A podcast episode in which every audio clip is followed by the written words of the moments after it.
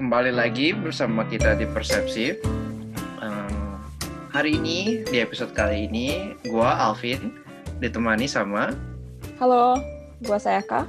Kita topiknya hari ini mau ngobrolin jadi sebuah medium artikel nih. Jadi inspirasinya dari sebuah medium artikel yang gue nggak sengaja nemuin, gue kirim ke Sayaka, terus ini lumayan menarik. Mungkin ada hubungannya sama podcast beberapa episode yang lalu ya, ketika kita ngomongin soal pilihan karir ya. Gue mau introduce nama uh, judul artikelnya dulu.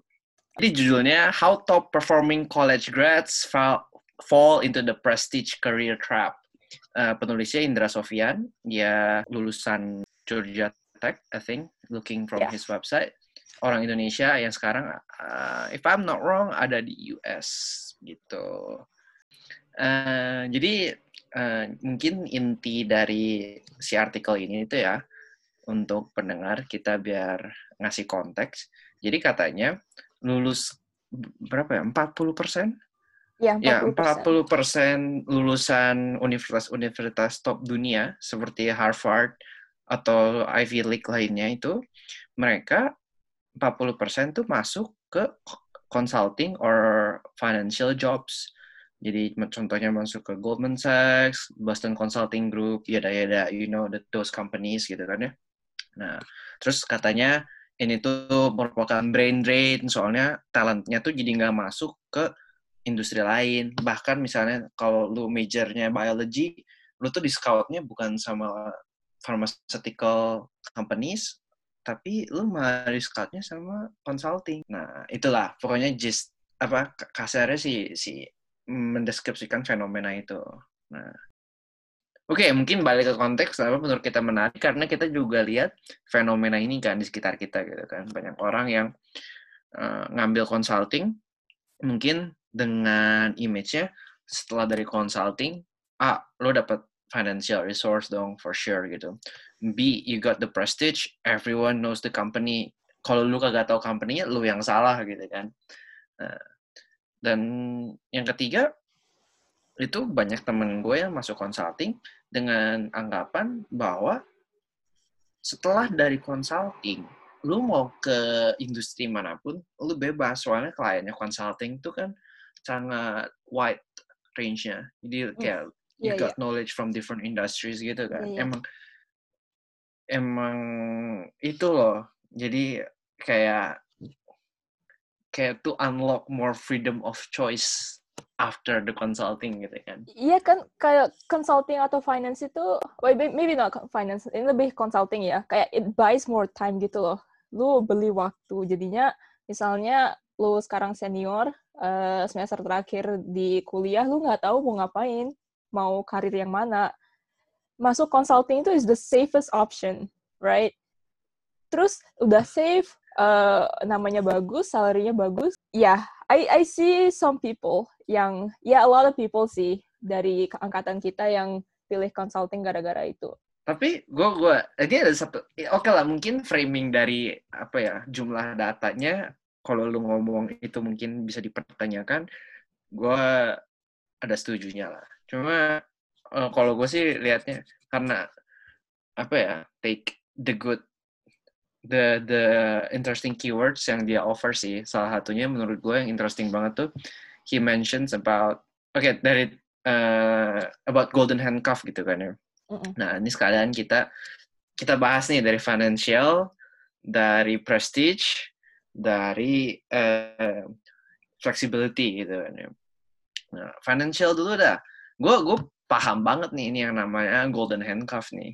Kayak bahkan sebelum terjun pun gue tahu gue tuh bakal kayak gitu. Essentially golden handcuff tuh di mana kalau lu dibayar six figures in dollar gitu ya, salary lu gitu ya, terus lu suruh berhenti pindah ke kerjaan yang lebih menarik, which pay maybe less than half of that salary gitu.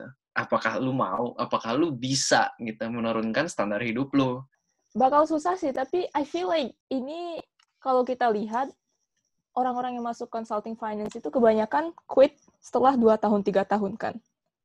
Mm. That's that's that's true. Like I don't have the data tapi gue tahu banyak yang pindah dari consulting finance ke industri lain. Iya, mungkin sulit kalau satu gajinya nurun gitu ya. Tapi most people kayaknya yang gue lihat ya, they don't mind getting paid lower as long as they the work hours is healthier. Jadinya consulting finance itu kalau lu jadinya oke okay, di Jepang itu consulting finance itu mungkin salarinya sekitar 50 juta per bulan tapi kalau lu bagi jadi gaji per jam itu sebenarnya nggak terlalu beda loh sama kerjaan yang lain uh, right? interesting interesting iya karena uh. mereka kerjanya tuh literally dari jam 9 pagi sampai jam 3 pagi atau jam 4 pagi itu kerjanya udah lebih dari berapa ya lebih dari uh, I don't know 15 jam per hari lebih ya.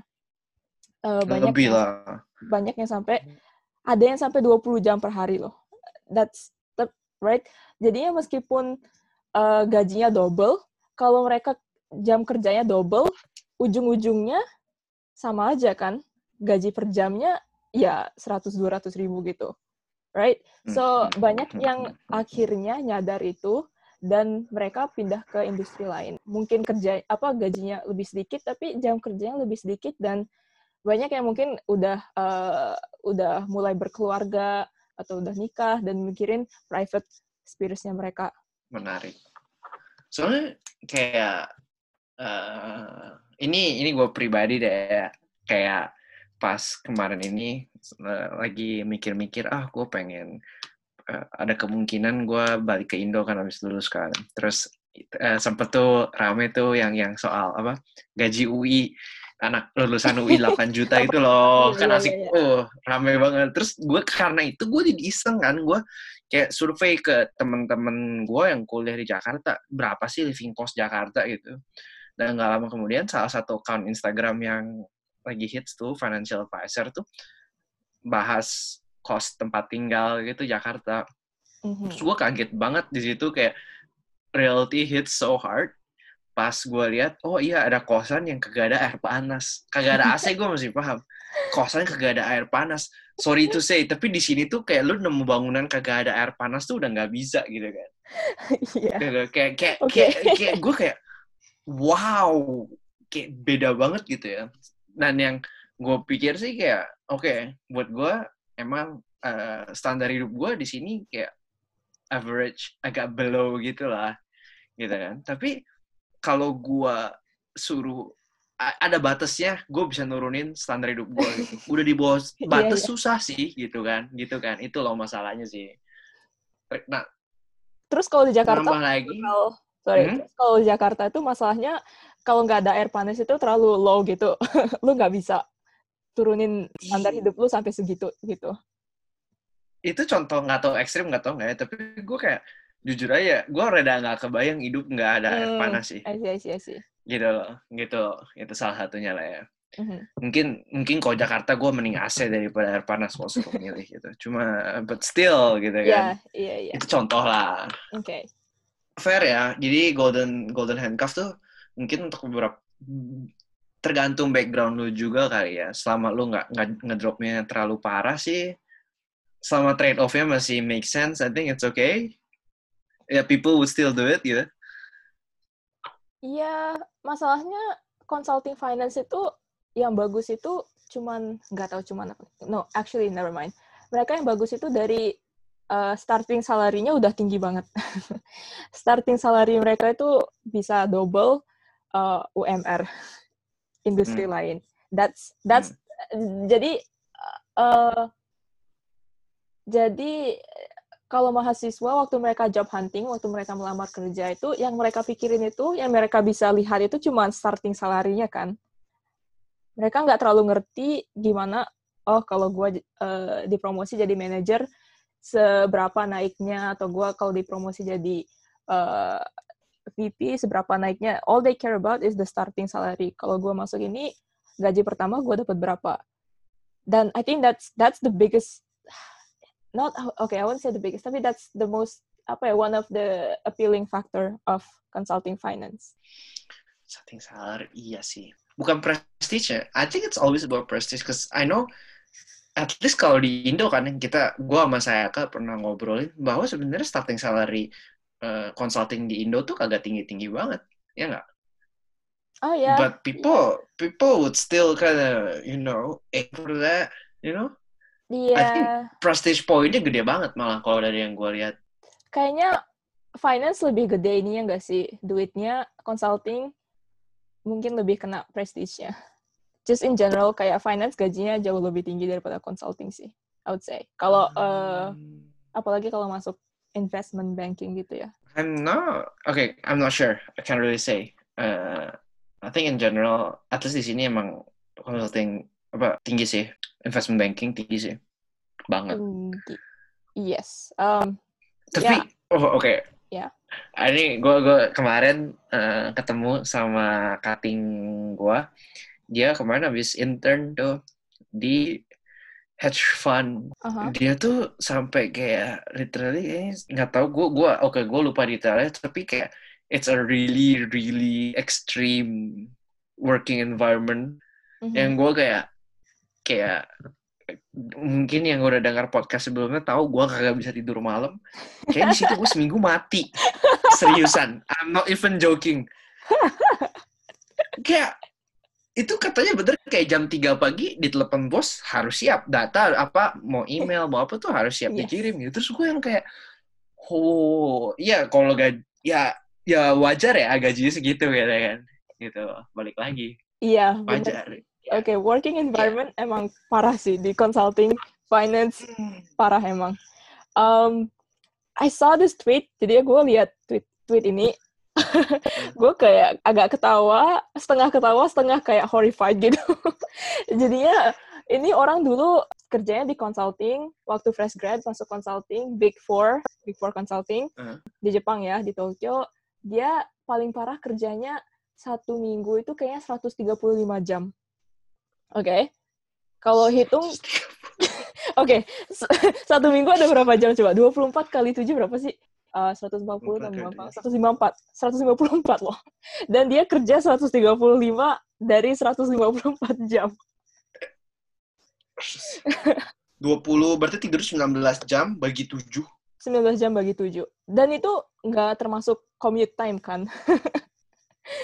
wow boy itu kalau gajinya nggak tiga kali lipat UMR kagak worth it sih Nggak. Karena dia di Big Four yang salah satu Big Four yang gua tahu gajinya biasa aja. Sama kayak industri Oh. lain, I would say. oh ya so normal working hours berapa sih 40 jam kan ini 135 Ini 135, Iya. right? lebih dari tiga kali loh gitu kan Iya, I was like, ini gila banget. ya, gua gua gua office gua aja lama lembur tuh 48 jam seminggu loh itu yang unpaid unpaid lembur ya yang Hmm. udah termasuk gitu. itu 48 loh wow oke. Now my working environment seems really good now. Oh ya, I mean, gila. and gua gua tahu kalau di di company yang dia bilang itu itu nggak ada semua lemburnya itu unpaid. so oh tapi tapi oke mungkin gajinya industry standard tapi benefits lah. Mungkin dia dapat benefits. I Ya, don't know. tapi free kayak- gym membership kayak nggak bisa what's pakai free gym membership? yeah, but the interesting itu thing itu kayak I wonder berapa persen dari mahasiswa yang tahu bahwa working environment-nya bakal sesusah ini, sekejam ini, tapi uh, tetap masuk ke sana. I think people I think gue tahu beberapa orang yang tahu dan mereka masih milih masuk sana sih Right? Uh, kebanyakan temen gue juga udah tahu sih, maksudnya udah terkenal gitu loh. Uh, consulting finance itu work hours-nya Hmm. crazy banget. The question is, mengapa mereka masih pengen masuk ke sana? Oke, let's Ini- let's segue. segue ke per- itu ya prestige berarti nih gue masih menurut gue prestige-nya masih tinggi banget tapi eh, ini mungkin mem- memperkenalkan bias dari mana gue sama saya lihat kalau gue pribadi soalnya gue emang udah tahu gue sih nggak akan fit di dunia at least investment banking lah itu gue dimakan langsung masuk investment banking gue terlalu lunak kalau consulting to be honest um, mungkin masih bisa gitu ya Iya. nggak tahu sih Kalau Iya, dari iya, personality mungkin masih bisa. Iya. Cuma ya itu jam jam tidur gue agak. eh, cuma ya. Cuma kalau kalau gue pribadi ya kalau ada ada privilege buat milih, gue nggak nggak mau sih masuk consulting sih gitu. Kalau Mhm. gue pribadi, makanya mungkin kalau opini gue sedikit, you know, anti consulting ya mungkin karena buat gue nggak cocok aja. Lu gimana? Oke, jadinya gue pernah tertarik sama consulting companies. Sebenarnya gue juga salah satu eh, yang di mahasiswa yang dibilang sama Indra Sofian ini yang nggak tahu mau ke mana, terus pengen masuk consulting gara-gara eh, perks-nya itu eh, high salary, prestige, sama um, oh yang paling gue suka itu traveling perks. Kayak di consultants itu kan sering traveling kan, kayak um, so they get like uh, mereka biasanya punya membership banyak di airlines di hotel-hotel jadinya mereka their hotel room is always upgraded and I was like terus gue suka traveling kan gue kayak this is a nice lifestyle gitu Uh, apalagi gue paling gak senang waktu itu gue pikiran itu gue paling gak senang uh, melakukan hal yang sama setiap hari jadinya ke kantor jam 9 pulang jam 5 cuman di duduk di meja itu gue nggak senang gue nggak mau terus consulting itu Potong. Ya. Jadinya lu milih pulang jam pulangnya nggak tentu sama sekali daripada sama tiap hari ya. iya iya gue tahu kayak oke lembur tapi di pikiran gue kayak oh cuman lembur itu cuman the first two years three years terus gue bisa pindah gitu. Kan Ya, tapi oke kenapa gue berhenti pengen masuk consulting itu? Gara-gara gue magang di consulting ada consulting firm waktu gue tahun ketiga eh, semester ke-6 Eh, dan itu magangnya cuman kayak empat hari. Jadi di Jepang tuh magangnya itu uh, kayak super pendek banget empat hari terus gue kayak kayak ditampar gitu. Gue baru tahu consulting world itu kayak gini ya. Jadi ya oke jadi ya waktu itu kita magang kita jam 7 masuk. Terus uh, semuanya lembur sampai jam 11 right? Terus uh, terus kayak gue pulang jam 11 malam gue kayak udah pengen nangis gitu. Kayak "Uh, kayak ini capek banget sih. Terus gue uh, ngomong sama ngobrol sama teman-teman yang lain. Terus teman-teman yang lain bilang oh ini apaan sih? Ini ini nggak capek sama sekali. Jam 11 sudah bisa pulang. This is actually good firm gitu. Terus gue kayak hah? Maksudnya apa? Jam 11 itu termasuk cepet. Uh, terus teman gue bilang kayak um, iya gue pernah gue udah magang di consulting firms yang lain dan di firms yang lain itu kita lemburnya sampai jam 3 pagi sampai jam 4 pagi. Itu magang loh. Itu internship. Um, eh, jadinya gue kayak oke oke this is where I draw the line gak mungkin. Um, dan hal yang lain tuh kayak orang-orang yang masuk consulting firm itu kebanyakan sangat kompetitif. Uh, jadinya mereka kayak ada mindset kalau makin lama lemburnya makin hardworking mereka makin ya mereka makin bisa gitu atau makin di dianggap sebagai pekerja yang bagus.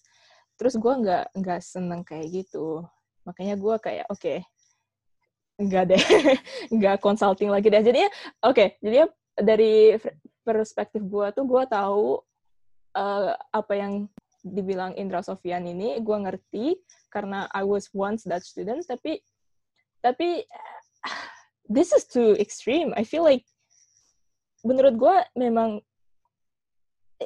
kayak oke okay, we can't blame everyone for wanting to go to consulting and finance I think The article didn't blame the students though. Rachel? It, it kind of is kayak the underlying tone is I don't know Really? kayak I think he's saying that daripada yeah I think he's saying that I don't know I don't know guys I think I think from from my perspective, yeah, because I'm this kind of person anyways. The way yeah, it, it's blaming the system, man. The system sucks. Okay, just, okay, that's just kidding. But then, I think it's more like taking a jab towards like you know the the whole like the whole system higher education concept, like more likely. I think. yeah I, I okay yeah I agree yeah yeah tapi kayak I think he mentioned kayak the whole Mhm. article is blaming the system tapi he mentioned here and Mhm. there kalau uh, student- uh, kebanyakan mahasiswa ini ke consulting gara-gara satu mereka nggak tahu mau ngapain, uh, padahal mereka Hmm. pinter, mereka uh, gini apa allured sama prestige sama salaries. Hmm. Um, dan kayak asumsinya itu they will stay there forever. I think kayak I think Just the student's assumption kayak, or the, the, the article? the, his his yeah the article's assumption. Okay, okay. Interesting.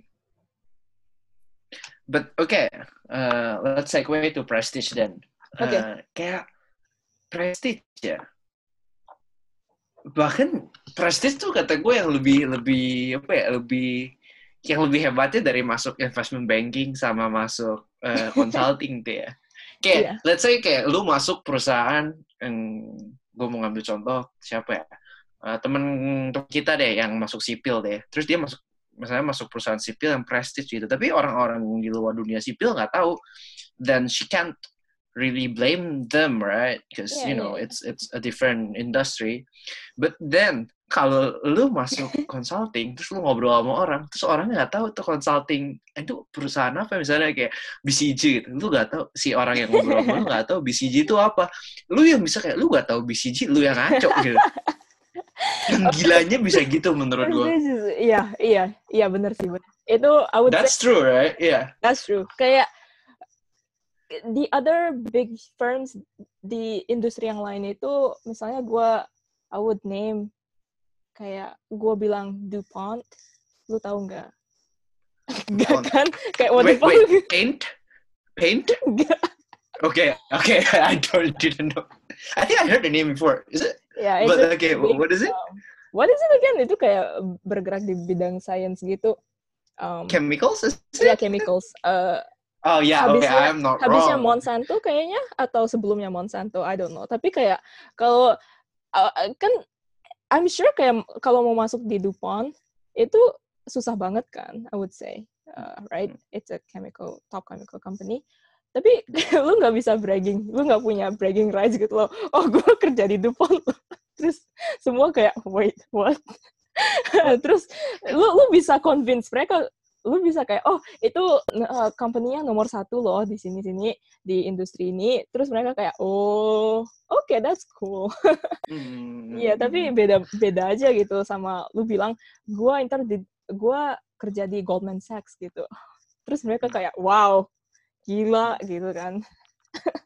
Even those who didn't move in finance you have to admit lu lu gila bisa masuk Goldman Sachs gitu ya. Gila sih yang right? Yang menurut gue I think kayak is it is it too much glorification is it? Or is it like the company managed to like just just build a really good brand image yang I think kalau kita bandingin it's it's comparable to like I guess IT giants kayak Google Microsoft yang emang notabene ya spreadnya luas banget gitu kan Goldman Sachs even B2B loh it's not even B2C and people eh, you're expected to know gitu Right. Uh, gue penasaran juga sih dari mana prestige ini lahir. Kayak kenapa Goldman Sachs itu prestige degree-nya, prestige levelnya lebih di atas uh, industri yang lain kan? Kayak why? Why finance Itu- sama consulting? Why gitu? itu yang nulis artikel-artikel branding muji-muji Apple tuh ya itu harusnya nulis tentang Sachs woy itu lebih hebat lagi kata gue Right? uh, ya nggak tahu deh, tapi nggak tahu kenapa, tapi somehow mereka brand value-nya itu tinggi banget. Dan but you do have to admit then that the prestige is real right the prestige is real I would say um dan salah satu halnya itu these students that they're talking about that the Indra is talking about itu students yang dari top colleges kan. Jadinya mereka udah di sistem mereka udah main prestige game dari dulu kan. Ah, gara-gara ah, ini nih. kan students di top colleges itu misalnya ya udah kalau lu di UI, kalau lu di Harvard, lu kemungkinan besar SMA lu juga SMA top, kemungkinan besar SMP lu juga SMP top. Jadinya lu kayak main dari dulu udah udah kebiasa gitu loh eh, dilindungi sama this prestige layer ke- kayak SMP top, SMA top, universitas top. Kerja juga harus di eh, tempat yang top dong. so I would Hmm. say that's true. nggak bisa hidup B aja memang ya. Tidak ada Iya. yang B aja dalam hidupnya. Tapi, oh kalau kayak gitu gue pengen ungkit ini deh, salah satu frasa yang mungkin sering di offer sama top colleges kan. Sebenarnya mungkin, and it rings true, at least for me gitu ya, ketika kenapa lu milih college yang bagus, because I think what they want is that after college, the opportunities would be open for them, any kind of opportunities Iya. kan. Jadi Benar-benar. mau kerja ke mana pun, and I underline ini ya, ke mana pun gitu, bisa gitu. Iya, Tapi benar. Dan yang ditulis artikelnya, and I think that's true as well, because I feel the pressure, is that after graduation, yang lu rasain pressure-nya malah you you feel this pressure ketika lu harus milih high paying jobs only gitu, prestige kayak jobs apa pekerjaan yang bawa prestige aja because of the pressure. So in a way you're not really free to choose gitu kan. Dan and- and I think Oke, I oke. think menurut gue bener banget gitu dengan posisi notabene gue yang eh, posisinya kayak gitu gitu kan apa eh, Waseda kalau di Jepang kan konteksnya main kayak gitu kan apalagi Iya. teman-teman kita yang semuanya di prestige gitu but then here I am pengen ngelakuin hal yang orang wait what lu kayak not kut tanda kutipnya lu kagak ke sini pun bisa gitu. Tapi kan balik lagi mm, proses ke college-nya kan tuh ngebuka opsi sebanyak mungkin kan. Tapi opsi kenapa lu harus malah jadi dibatasin? Lu cuma boleh ngambil opsi yang tertentu aja gitu. Yang menurut gue itu itu the pressure is real right? I, I- think you feel you Yeah. feel that as well. Ya ya, uh, gue ya I feel that's true. Kayak itu semuanya cuman ilusi bahwa uh, lu lu bisa uh, itu uh, open doors gitu loh. Enggak itu cuman ilusi karena ya udah sistemnya udah kayak gitu pressure societal pressure-nya uh, lu udah ditentuin gitu. Kalau lu eh, SMA top, kuliah top, uh, lu kerjanya cuma bisa yang top. Kalau lu I mean lu bisa sih uh, kalau udah universitas top tapi lu milih kerja yang nggak prestigious bisa tapi would you want to gitu kan Eh, lu bakal lebih susah gitu loh break free dari pressure-nya itu that's true ya benar that's true benar Wah, itu dilema setahun terakhir tuh. Gila, diangkat sekarang di podcast. Berat memang. Wah, gak suka gua. Oke, Alvin, I wanna ask you something. Jadinya, I would say kalau lu uh, di antara teman-teman gua, lu itu salah satu yang uh, bisa break free dari pressure-nya ini. Jadinya lu nggak ke consulting kan, lu nggak ke finance kan, lu eh, lu nggak pilih jobs yang prestigious kan, kayak how, why, how, kenapa dan ya gimana lu bisa break free dari ini? eh interesting, menarik, menarik. Gue belum, jujur ya, belum sepenuhnya break free ya. Karena mungkin gue belum mulai kerja juga, jadinya nggak bisa ngomong, oh gue, gue udah break free gitu. Dan eh, I think sih kayak ini mungkin ada beberapa aspek ya. Salah satunya dari gue tuh ini dari kecil gue lucu. Jadi satu dari kecil tuh gue punya kayak gue nggak punya dream job, tapi gue punya kualifikasi buat kerjaan yang gue pengen. Satu Mhm. gue nggak pengen pakai seragam. Oke, Nah, terus nggak pengen pakai seragam tuh in a sense kayak gue bebas pakai apa aja kan. Jadi mau gue mau pakai seragam pun gue boleh ketika gue lagi pengen. Gue pengen pakai baju rapi juga boleh kok sok aja. Tapi ketika gue lagi nggak pengen, gue juga bisa gitu. Itu satu. Eh, yang I think kalau ke consulting, yo bye bye, you can't do that right. At least lu harus dress up rapi. Kalau di Jepang udah lu udah kayak itu apa udah ada seragamnya lah iya. kan Eh, kalau yang kedua tuh gue gue selalu pengen gue pengen terkenal tapi di field gue aja. Kayak gue nggak perlu lah world famous everybody knows me. But I have to be like the best on my field gitu loh. So eh, I guess prestige yang diakuin semua orang gitu nggak nggak nggak terlalu apa ya menarik buat gue tapi eh, yang gue lihat prestige sebuah perusahaan di fieldnya sih itu kadang yang gue gua lihat gitu kalau milih kerjaan gitu ya kalau if I'm scouting company gitu misalnya Mhm. dan eh, I guess yang ketiga tuh eh, karena gue tahu gue mau ngapain sih I think Oke. Okay. kayak kayak I I know gue tuh kayak gue tuh main apa ya selfish in a way kayak gue cuma pengen prestis gue tuh ketika gue melakukan hal-hal yang kayak misalnya gue suka foto gue suka video gitu ya jadi gue gue tuh baru merasakan paling puas tuh ketika apa yang gue buat tuh diakuin nama orang gitu loh kayak main hasil dari kerjaan gue atau enggak bukan bukan standing gue yang diakuin nama orang gitu sebenarnya Oke. Okay. karena tapi itu juga karena karena gue udah nemuin kan karena gue udah ngelakuin hal itu dari lama gitu loh Iya. so I think I I know what brings me that feeling of prestige I think Oke. dan and, and it's not consulting so I don't really mind kayak malah kalau let's say mungkin ya mungkin ya kalau gue masuk consulting gitu kayak I, I won't be really proud kayak sama kayak kayak gue masuk Waseda gitu kayak orang-orang kalau di Jepang apalagi kan kayak mereka selalu kayak uh hebat ya Waseda but I don't feel any prestige at all gitu kayak cause it's it's it's never where I want to be acknowledged at I think Hmm. Oke. ya Um, that's interesting. Jadi, oke. Gue ada pertanyaan nih. Apa bedanya sih kayak pengen prestigious di bidang lu aja sama prestigious di semua bidang kayak consulting sama wah sama consulting sama finance kayak we're all playing the prestige game anyways gitu loh kayak Yeah, we are. Yeah. we are kan kalau misalnya lu Mhm. suka foto lu pengen ke top companies yang uh, di bidang foto gitu di industri foto tapi uh, mungkin uh, I think I would say kayak uh, orang-orang kayak Indra Sofyan bilang kayak Hmm. oke that's better than like kalau kamu masuk ke consulting dan main prestige game yang dis yang prestigious di seluruh industri gitu but in the end kayak Hmm, you- you're the same gitu nggak sih right I think so. Yeah.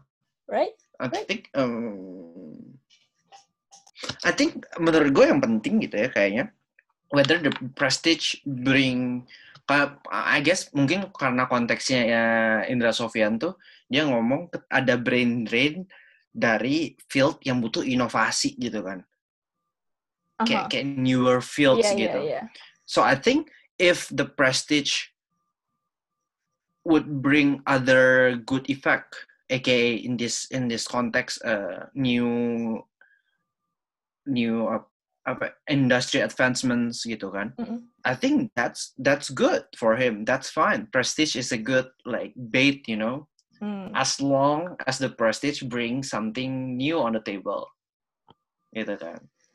Ya, Tapi karena karena consulting tuh nggak necessarily advancing, nggak necessarily like solving social problems gitu kan. Mungkin yang salah satu yang dia tulis gitu, social eh, yang yang I think he he wrote like solving you know humanitarian social just injustice problem gitu kan. Iya, iya. Health, health anything lah gitu kan.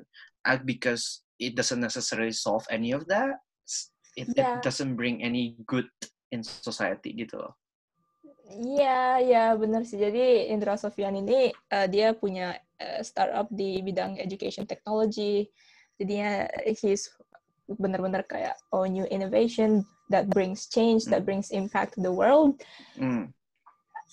Iya, he- jadi gue kayak ngerti uh, viewpointnya dia.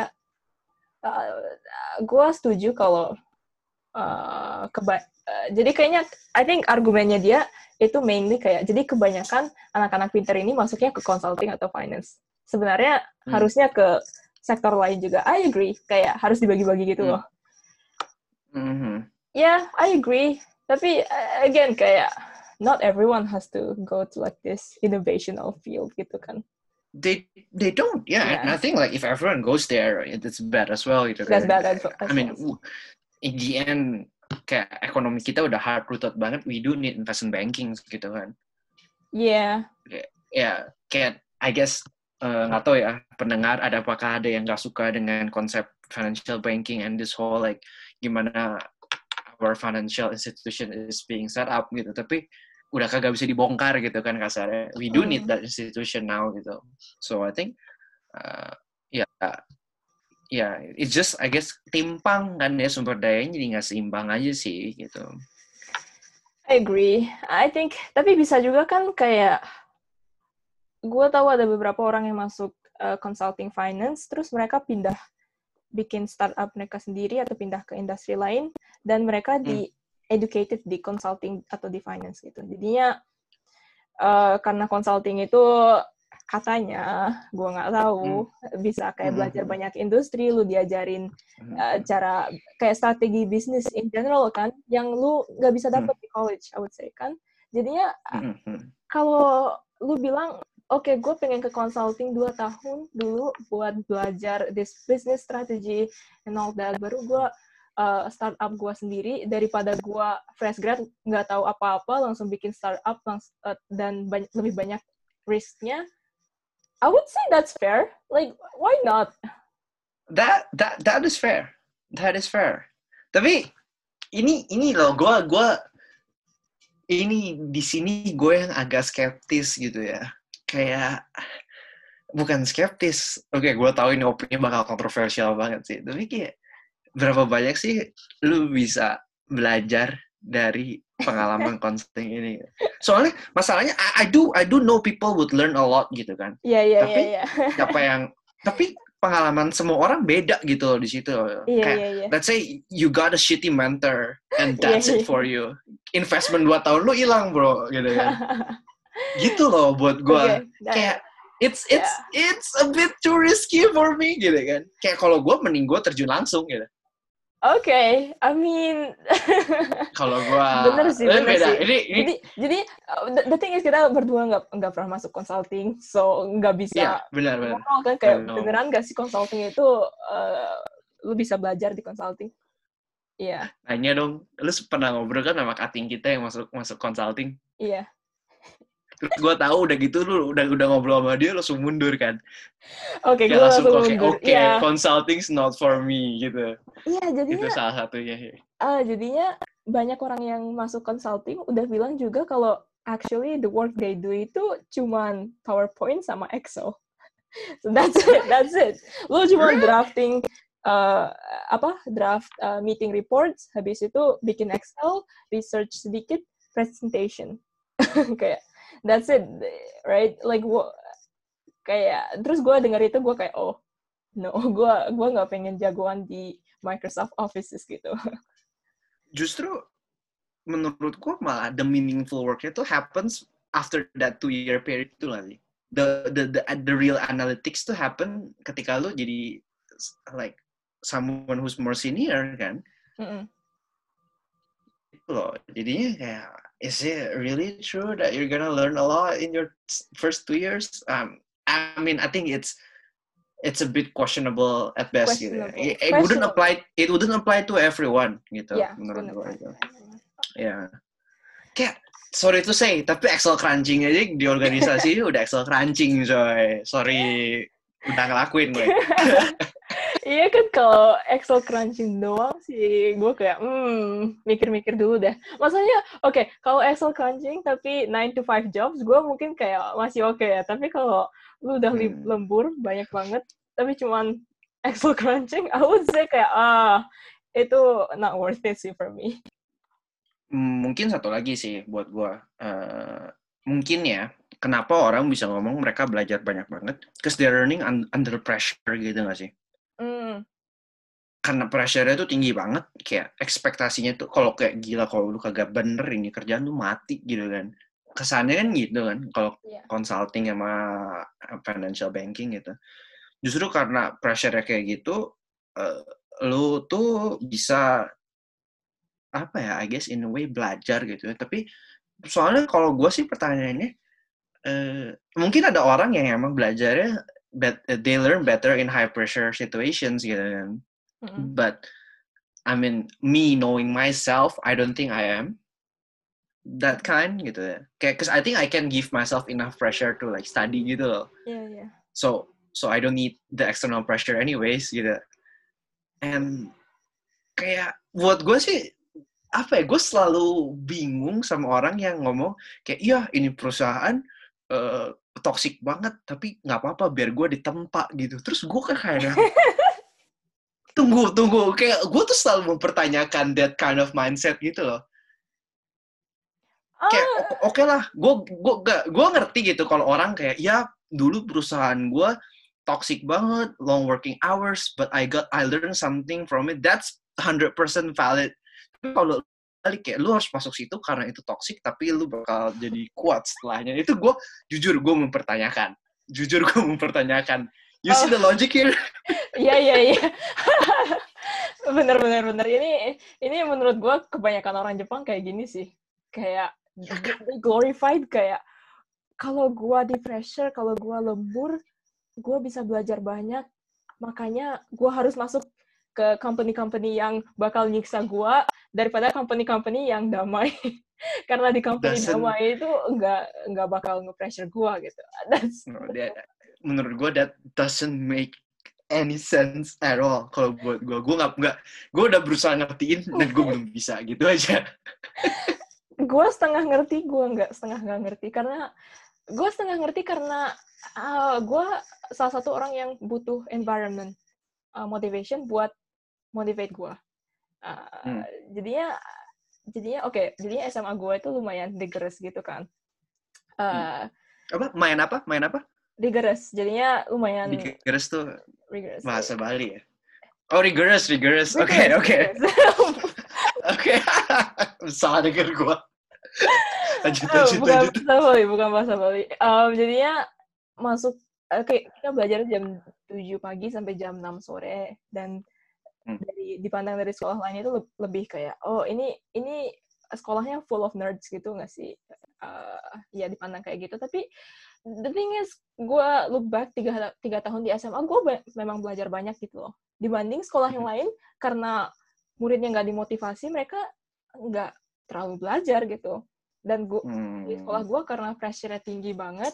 Oke, kalau kita bicarain tentang mental health side-nya beda beda lagi. Tapi kalau gue bilang, gue bisa bilang kayak, oh, karena gara-gara gue di pressure, gue belajar banyak dan gue beruntung, gue bersyukur gitu, right? Hmm. Di departemen kita juga banyak nggak sih yang komplain kalau uh, departemen kita itu nggak terlalu apa ya rigorous, nggak nggak terlalu kegampangan ya kegampangan kan? Dan Yeah. orang-orang itu actually kayak komplain kan, ini kegampangan. I nih." know, I know, I know, I know, and that makes sense. Tapi, and I think I'm not saying that wouldn't work. I think that would work for a lot of people. Mhm. Tapi, I guess ngomongin posisi gue pribadi gitu kan, lu tahu, lu temen gue kenal lah gue, gue mau orangnya nyari, nyari kerjaan gitu kan. Mau mau sesantai apa juga gue mah nambah nambahin kerjaan nggak penting gitu. Jadi menurut gue Iya, iya. kayak ay gue nggak perlu lah gue nambah-nambah stres lagi gue dari dalam stresnya udah banyak coy gitu suka bodoh abisnya kayak konteks gitu ya nih temen-temennya konteks gue sama saya kan pernah ngambil kelas HI gitu. Eh, kelasnya susah banget terus Apa? akhir kelas ada ada pilihan War and Peace Oh iya iya. Iya. Abis, abis kelas ada pilihan suruh nulis esai topiknya 17 lu bayangin 17 pilihan topiknya kayak lu Aha, bisa milih gitu gue tahu lu milih dari dari antara 17 itu aha. Nah, gua memilih topik nomor 18. Oh, kalau lu mau ngajuin topik, datang ke profesornya. Datang gue kayak, Prof, gue mau, mau mau mau mau custom topik kata gue. Milihlah topik yang ternyata belum kagak ada risetnya, kagak harus riset sendiri semua. Oh iya iya. Wih, Gue inget gue. Gue marah-marah ke lu. Jadi mungkin balik lagi tipe orangnya gitu kan. Iya tipe Kayak, orangnya. Masalahnya gue suka nambah-nambah kerjaan kagak penting, coy. Ini kalau gue masuk consulting, kayak gue nggak kebayang aja sih gitu buat gue. Iya. It's- Iya. Dari apa yang gue denger aja nggak kebayang, apalagi gue masukin kalau ternyata lebih parah sih, gitu aja. Iya, I agree. Tergantung orang sih. Kalau gue mau nga- boleh ngasih saran sih, gue gue mending kayak, soalnya, oke, I'm not sure if it's back, if this is back by research or not. Tapi dari pengalaman pribadi gue, lu tuh butuh downtime gitu. loh. Emang lu butuh kayak high Iya. pressure moments biar lu belajar. Tapi kalau lu nggak punya downtime buat kayak lu reflect on that, buat ngolah si informasinya tuh, lu malah growth-nya in the long term jadi lebih lebih pelan gitu loh. So I think the the the changes perlu lah kayak kayak gue sekarang kan di IT kan kayak when we have crunch time gitu deadline ya kita lembur dong gitu. But but not every day gitu kan. Not every day gitu. Iya, I tapi think menurut I just gua yang want to add in kayak consulting juga sama karena mereka project based. eh waktu dekat deadline project mereka oh, lembur banget. Tapi kalau projectnya udah selesai mereka bisa kayak libur dua minggu tiga minggu. Ah, yang di fair, fair. industri lain nggak bisa Oke, tapi itu ya, apa, gue cuma itu, peak-nya berarti puncak sama value tuh kayak jauh banget, itu ekstrim gitu jadi. yeah two extremes and I think people like that Oke. Oke, that's that's for another topic. Tapi, oke, konklusi lu apa, say? Dari dari percakapan hari konklusi gue I would say rather than oke gue uh, kasih saran deh kalau ada yang lagi dengerin terus uh, lagi pikirin consulting atau pikirin finance pikirin deh bener-bener uh, kalau Hmm. consulting sama finance itu bener-bener nggak ada prestigiousness-nya kalau nggak ada yang tahu di dunia ini nggak ada yang tahu McKinsey, Bain, BCG Hmm. uh, lu masih mau masuk nggak Uh, atau lu pengen masuk cuman gara-gara bakal dianggap keren sama temen lu sama keluarga lu terus Hmm. uh, gajinya meskipun starting salary-nya tinggi pikirin juga bagi sama jam kerja terus lihat juga gaji lima tahun 10 tahun ke depan gitu. Pikirin juga uh, nggak cuman uh, perusahaan pertama lu tapi kalau misalnya lu pengen pindah ke perusahaan lain itu lu gampang nggak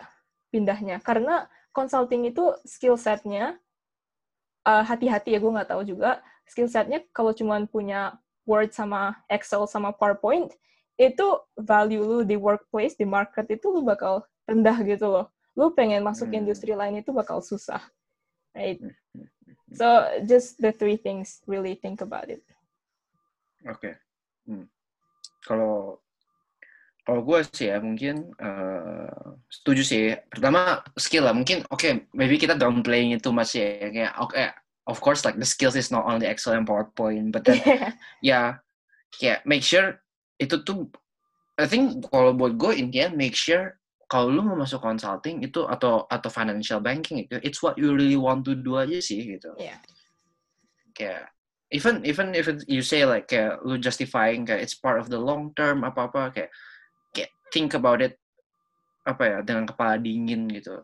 Terus Hmm. kalau masalah prestige sih kalau gue kayak balik lagi emang kalau buat lu kerjaan tuh pengen buat cuma biar kayak dilihat keren sama teman-teman lu sama sama orang gitu ya. Fine that's that's perfectly fine gitu. Tapi is that all to it gitu kan. Hmm. kadang gue gue sih pengen nambahin itu aja gitu. Nggak kayak itu nggak cuma prestis gitu. Prestis kagak bisa dimakan. Prestis tuh bisa hilangnya gampang banget kalau buat gue gitu. Jadi itu aja sih Eh, dipikir dua kali lah. Tapi kalau Indian menurut lo itu masih penting hmm, that's that's that's perfectly fine. People have different values as well. Ya Eh, and dengan itu kita harus mengudahi episode kali ini. Asik ya? Asik asik banget. asik. Oke I think we did pretty good. Asik. ya, ya, oke. Seperti biasa, oh karena sekarang kita udah punya Instagram, eh, bisa langsung DM pertanyaan atau ada request topik apa pun ke @persepsi. Eh, ada foto kita bertiga di sana asik sekali. Eh, persepsi pakai H ya Nah. Kan ya, pakai H. Persepsi. Oke. persepsi Oke. Eh, sekian untuk episode kali ini. Sampai ketemu di episode berikutnya. Bye bye. bye Yo guys, ini KJ dari Persepsi. Thank you banget udah dengerin episode ini sampai akhir-akhir nih. Kalau kalian tertarik dengan topik-topik tertentu, kita bisa bawain kok. Boleh banget DM ke IG kita. Stay tune terus ya buat episode selanjutnya. Bye!